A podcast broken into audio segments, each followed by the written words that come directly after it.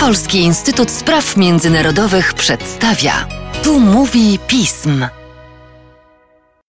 Tu mówi pism. Przy mikrofonie Mateusz Józwiak, a wraz ze mną Łukasz Maślanka, analityk oraz ekspert Polskiego Instytutu Spraw Międzynarodowych do spraw Francji. Cześć Łukaszu. Cześć.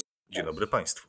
Szanowni Państwo, spotykamy się dzisiaj, ponieważ co da się zauważyć, wakacje dobiegają końca. Oczywiście omijamy tutaj naszych serdecznych słuchaczy wśród studentów. Niemniej jednak również francuscy politycy z prezydentem Macronem na czele wrócili z wakacji. W związku z tym dochodzą pewne bieżące sprawy, z którymi muszą się mierzyć. A o tym, o jakich sprawach mowa, już powie nasz gość. Łukaszu. Przede wszystkim kryzys energetyczny.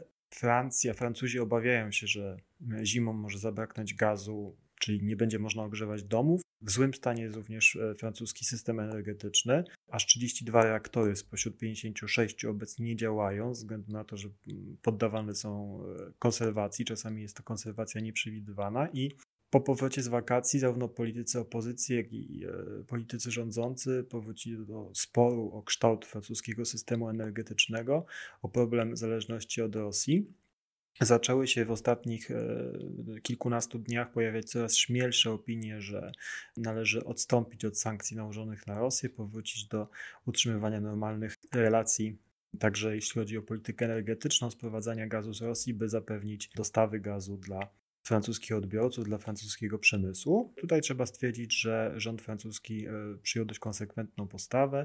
Zarówno prezydent Macron, jak i premier Born i e, pani minister do spraw transformacji energetycznej zapowiadają, że sankcje nie zostaną zniesione, niezależnie od tego, czy Rosja będzie nadal dostarczała gaz, czy nie. I Macron nawet zaapelował do Francuzów o to, by potraktowali e, ewentualne niedogodności, które nadchodzą, jako swoistą cenę wolności. Ale zagrożenia związane z możliwością przerwania dostaw gazu czy elektryczności Macron traktuje bardzo poważnie i przystąpił tutaj do takich dość kompleksowych działań, zarówno w polityce wewnętrznej, jak i w polityce międzynarodowej. I w polityce wewnętrznej mm, jest to taki jakby trójstopniowy plan.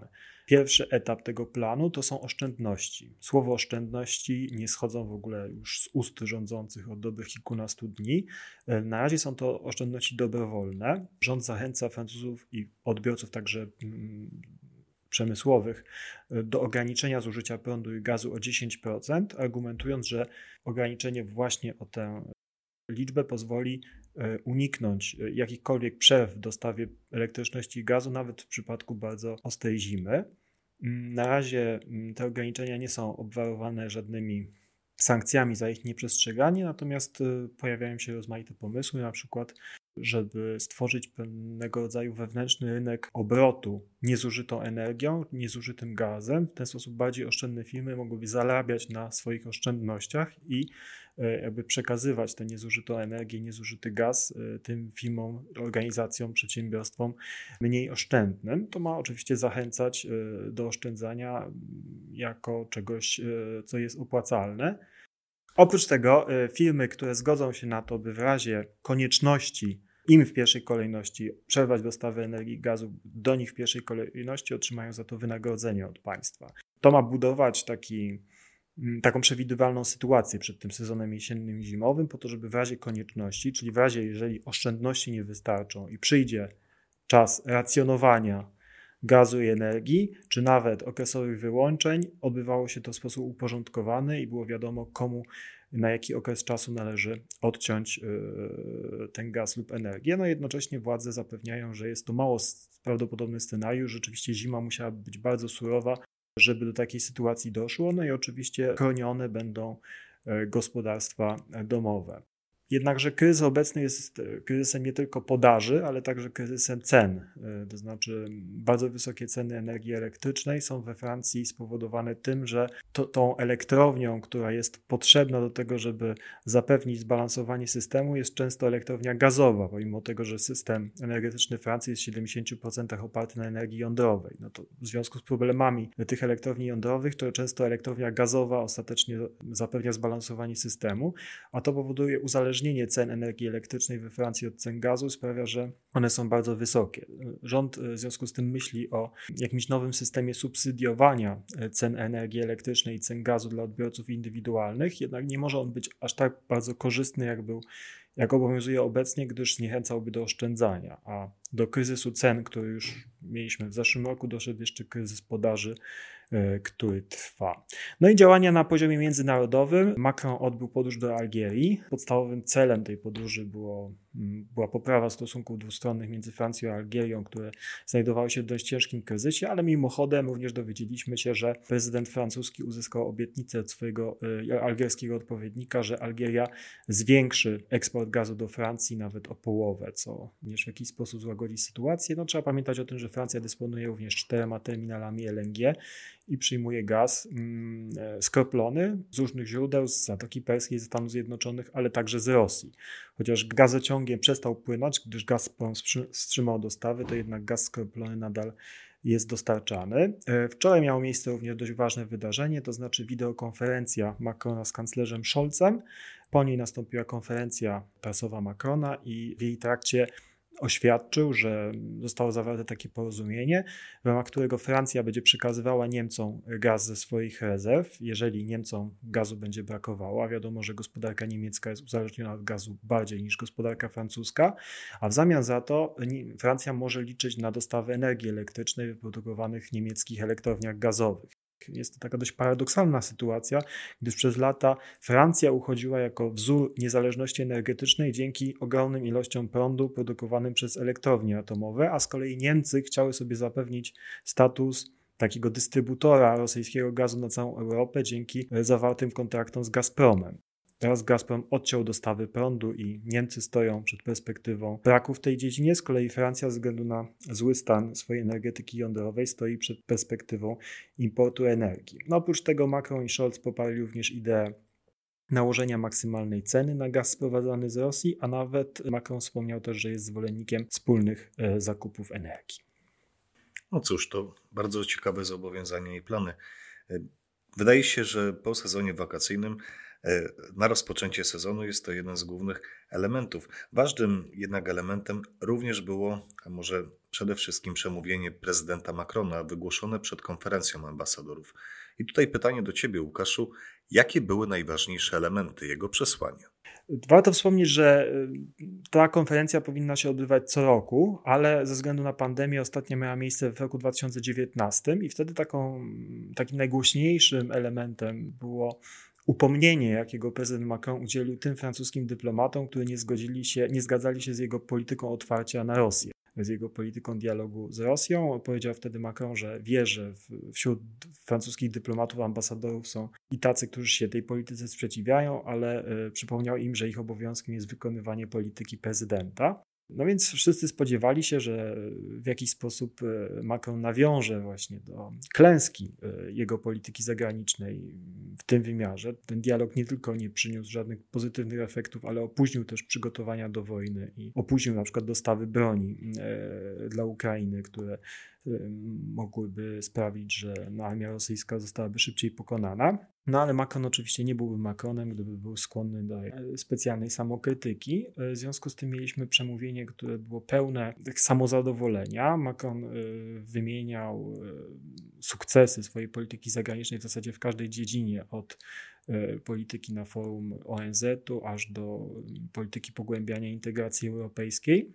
Wspomniał też o bardzo pozytywnej dla Francji sytuacji, która nastała w Niemczech po wyborach, to znaczy dał do zrozumienia, że koalicja obecna w Niemczech socjaldemokratów, zielonych i wolnych demokratów jest dla niego znacznie korzystniejsza niż poprzednia, y, gdzie dominowała partia chrześcijańsko-demokratyczna. Udało się w ten sposób uzgodnić kilka y, działań na rzecz reformy rynku unijnego, y, sprawienia, żeby był bardziej socjalny, a więc bardziej sprzyjający dla gospodarki francuskiej. Przypomniał także o roli multilateralizmu. Multilateralizm e, jest jednym z priorytetów francuskiej polityki zagranicznej e, i stwierdził, że to też takim dużym sukcesem Francji jest to, że udało nam się przetrwać erę Trumpa, nie demolując ostatecznie całego systemu ONZ-owskiego. Jednak największe kontrowersje wzbudziły słowa Macrona poświęcone Rosji, gdyż w jakiś sposób poprzez dobór słów, na które się zdecydował, jakby zaprzeczył polityce, którą prowadzi jego własny rząd. To znaczy, z jednej strony on ponowił wsparcie dla Ukrainy, zapowiedział utrzymanie sankcji na Rosję, zapowiedział poparcie dla e, dostaw broni na Ukrainę, ale z drugiej strony nie mógł się powstrzymać od tego, żeby powrócić do swoich dawnych idei e, budowy wizerunku Francji jako mocarstwa równowagi, czy nawet jak w, ten, w obecnym przemówieniu powiedział mocarstwa równowag. To znaczy stwierdził, że nie należy przedstawiać obecnego kryzysu jako konfrontacji świata demokratycznego ze światem autorytarnym, bo to nas prowadzi do nieuchronnej, bipolarnej konfrontacji Stanów Zjednoczonych z Chinami, w ramach której e, znaczenie Francji było bardzo mocno ograniczone. E, zaczął więc mówić, że wojna, inwazja Rosji na Ukrainę jest raczej przejawem kryzysu systemu międzynarodowego i pewnej nierównowagi, która zaistniała w tym systemie, i że doprowadzenie do takiej bipolarnej konfrontacji Stanów Zjednoczonych z Chinami tylko do, pomnożyłoby tego rodzaju sytuacje kryzysowe, z jakimi mamy do czynienia. No i w tym kontekście padły te także najbardziej kontrowersyjne słowa o tym, że potrzebne jest zachowanie jedności europejskiej i że polityka Unii Europejskiej wobec Rosji nie może być e, dyktowana przez naj, kilka najbardziej wojowniczych krajów i nie możemy pozwolić też kilku państwom z flanki wschodniej na to, że, e, na samodzielne działania, które następnie w domyśle musiałyby angażować wszystkich Europejczyków. I tak naprawdę nie wiadomo, mm, dlaczego Macron e, znowu zdecydował się na dzielenie Europejczyków w tej sytuacji. Prawdopodobnie chodzi o zapotrzebowanie zapotrzebowanie polityki wewnętrznej, to znaczy we Francji wciąż jest bardzo silny e, głos tych, którzy sprzeciwiają się temu, żeby Francja uczestniczyła w NATO, temu, żeby przyjmowała solidarność z innymi sojusznikami postawę wobec Rosji. No więc Macron pewnie zdecydował się na złożenie swoistego hołdu potrzebom tej części e, wyborców, kosztem oczywiście jasności swojego przekazu, wywołując kolejne nieporozumienia, kolejne niepotrzebne w tej sytuacji komentarze. No, trzeba też y, dodać, że to przemówienie Macrona było bardzo, bardzo długie. Ono trwało znacznie powyżej godziny. Macron y, starał się mówić o wszystkim, od zmian klimatycznych e, aż po jakieś poszczególne konflikty w miejscach bardzo od Europy oddalonych i to jakby pogłębiło wrażenie takiego głębokiego roztargnienia francuskiej polityki zagranicznej, która chce być wszędzie, zajmować się wszystkim a niekoniecznie priorytetem jest to, co nam e, najbardziej zagraża, czyli wojna e, u naszych granic. Łukaszu, pora więc chyba na pytanie podsumowujące. Oprócz tego, wydaje mi się, że możemy je zacząć takim hasłem katalizatorem Narodowa Rada Przebudowy. E, ponieważ miała być forum konstruktywnej dyskusji władzy z opozycją i partnerami społecznymi, kolejnym po konwencie na rzecz klimatu i wielkiej debacie narodowej zainicjowanej po protestach żółtych kamizelek. Do czego Macronowi potrzebne są takie gremia i dlaczego nie wystarczy mu sam parlament? No to wracamy znowu do polityki wewnętrznej. Trzeba pamiętać o tym, że po wiosennych wyborach do Zgromadzenia Narodowego partia Macrona nie dysponuje większością w niższej izbie parlamentu. W związku z tym trzeba albo budować jakieś porozumienia, a to się nie udało. Nie udało się na przykład zawarcie koalicji z centroprawicowymi republikanami. W związku z tym mm, no, Macron stara się przejąć inicjatywę i stworzyć e, jakąś taką platformę rozmowy, w której on miałby pozycję dominującą, a wszystkie inne pozostałe środowiska polityczne i społeczne zyskałyby taką pozycję e, kogoś, kto raczej słucha niż e, zabiera głos. No i właśnie ta Narodowa Rada Przebudowy miała być taką inicjatywą kontrolowanego dialogu, za pomocą którego Macron mógłby przeforsowywać swoje pomysły w ważnych y, z punktu widzenia jego programu politycznego obszarach. Chodzi tu zwłaszcza na przykład o reformę emerytalną, reformę systemu socjalnego, czyli sprawy, które budzą we Francji ogromne emocje, ale także na przykład polityka energetyczna.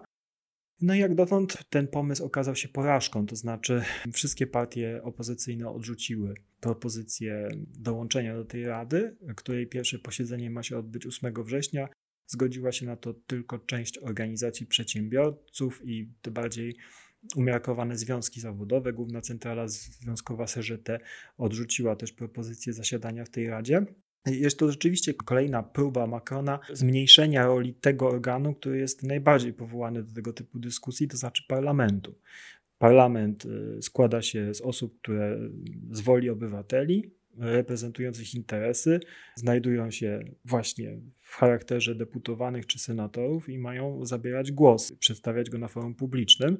Macron w sytuacji, kiedy nie ma większości w parlamencie, woli posługiwać się ciałami o mniejszej reprezentatywności. Tutaj wcześniej też dobrym przykładem była ta Rada do Spraw Klimatu, chociaż to też nie był dobry, to też nie był sukces, gdyż okazało się, że ta Rada do Spraw Klimatu składa się z osób znacznie bardziej zaangażowanych ekologicznie niż sam Macron i e, proponowała rozwiązania, które nie były Macronowi na rękę. No i także w tej sytuacji e, ta Rada do Spraw Przebudowy, przebudowy państwa, reformy państwa, no jest pewnego rodzaju inicjatywą, która miałaby moderować dyskusję w kierunku korzystnym dla Macrona, ale na razie jest to inicjatywa nieudana. Szanowni Państwo, podobnie jak z początkiem roku szkolnego, tak początek sezonu politycznego we Francji y, może okazać się okazją do tego, żeby pozytywnie ocenić pewne działania. Zanim jednak tak się stanie, trzeba wykazać się wiedzą, umiejętnościami, odpornością na wszelkie wyzwania, przed którymi staje francuska polityka. O tym, jak będzie sobie radzić Francja z tymi wyzwaniami, przyjdzie nam jeszcze porozmawiać. A tymczasem dziękuję Ci, Łukaszu, za dzisiejszy podcast. Dziękuję. Państwa zaś zachęcam do śledzenia naszej strony internetowej, czytania najnowszych biuletynów i komentarzy, śledzenia mediów społecznościowych, także naszego kanału na YouTube. Z mojej strony to wszystko. Dziękuję Państwu za uwagę i do usłyszenia.